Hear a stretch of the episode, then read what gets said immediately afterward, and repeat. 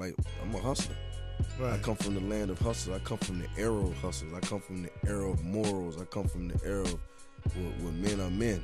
And you know, we, we don't cry about what life ain't giving us. We're gonna go out and get it done. We ain't gonna talk about you see how they did me, how they done me. You know, we're gonna take turn a, a, a negative to a positive. And, and when you do that, you know what I'm saying, you just have more respect for yourself because you know what you had to go through to get to that.